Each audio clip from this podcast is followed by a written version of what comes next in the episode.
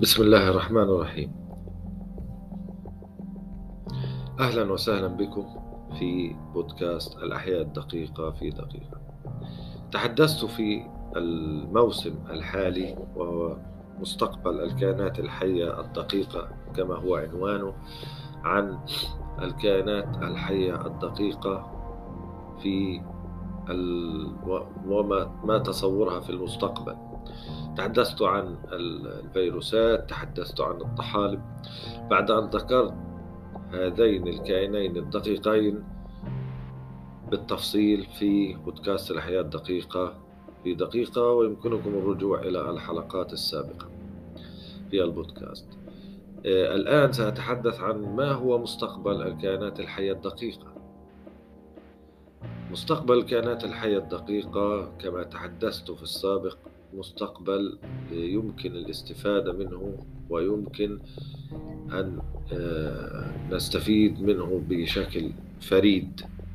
لأن هذه الكائنات الحية الدقيقة تمتلك خصائص تجعلها مورد مرغوب للعديد من التطبيقات الحياتية وأيضا العلماء يبحثوا في إمكانيات جميع هذه الأحياء الدقيقة وأيضا إمكانيات الطحالب تشكل آه، بحثا متزايدا ويمكن استخدامها في العديد من القطاعات المختلفة الهائلة لما تمتلكه من خصائص عديدة.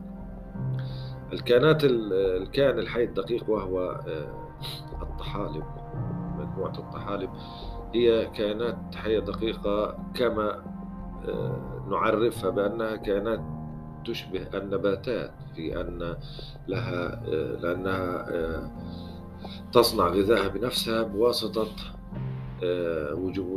وجود مادة الكلوروفيل التي تحول الماء وثاني أكسيد الكربون وإلى مواد غذائية مفيدة وهي السكريات. التي تستخدمها في غذائها آه، طبعا آه، الفيروسات في المجال الطبي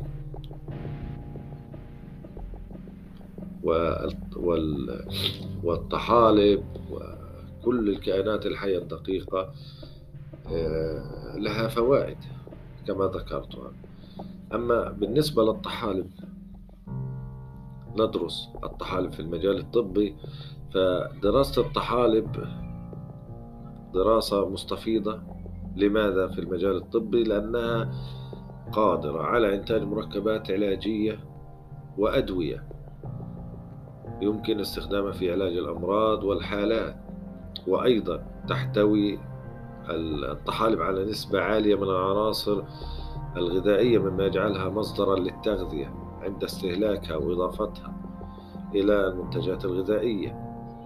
تحتوي على كمية كبيرة من آه، البروتينات والمعادن ولديها القدرة أيضا على امتصاص الملوثات من المياه والتي يمكن استخدامها في تقليل تلوث المياه على المدى البعيد. آه، طبعا الطحالب في مجال الطاقة آه، الآن تستخدم كوقود حيوي قائم كبديل للوقود الإحفوري التقليدي. آه، وهذا يوفر وطبعا الوقود الوقود الحيوي أكثر استدامة ومتجدد أكثر ويحتوي على ميزتين أنه أكثر استجابة ومتجدد ومتجدد للطاقة. ويقلل اعتمادنا على الوقود الإحفوري ويساعد في التخفيف من تغير المناخ لأنه أقل تلوثا لأنه يعتمد على الطبيعة في إنتاج آه، الوقود منه. بالإضافة إلى ذلك يمكن استخدام الطحالب لإنتاج البلاستيك الحيوي. وذلك يكون له تأثير بيئي أقل. تلوثا من البلاستيك التقليدي الذي نستخدمه في حياتنا اليومية وبشكل عام يبدو أن مستقبل الطحالب مستقبل واعد لأنه يستخدم في مجالات عديدة وأيضا قابل للتكيف ونطاق الاستخدام نطاق الاستخدام واسع ويجعلها مورد جذاب للعديد من القطاعات الصحية والاقتصادية والطاقة والبحث والتطوير وإمكانياتها ولا تكلف آه، أموالا كثيرة وتنمو بشكل أسرع من آه، مثيلاتها ويمكن الاعتماد عليها بشكل كبير. في حال توفر الإمكانيات اللازمة لهذا الكائن الحي الدقيق. آه، في نهاية الحلقة أتمنى أن أكون قد أفدتكم بمعلومة. آه، إن شاء الله في الحلقة القادمة سنتحدث عن مستقبل كائن حي جديد وهو الفطريات. وإن شاء الله سوف آه، نستعرض في حلقة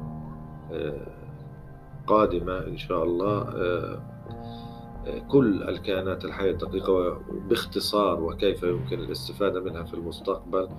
أشكر استماعكم أتمنى دعمي على منصة بيتريو وأتمنى نشر هذا البودكاست. محدثكم وكاتب المحتوى الطبي محمد نافذ رشوان قطاع غزة خان يونس. أتمنى أيضا آه، منكم آه، إجابة السؤال الموجود على آيتونز. أنا متواجد على جميع المنصات.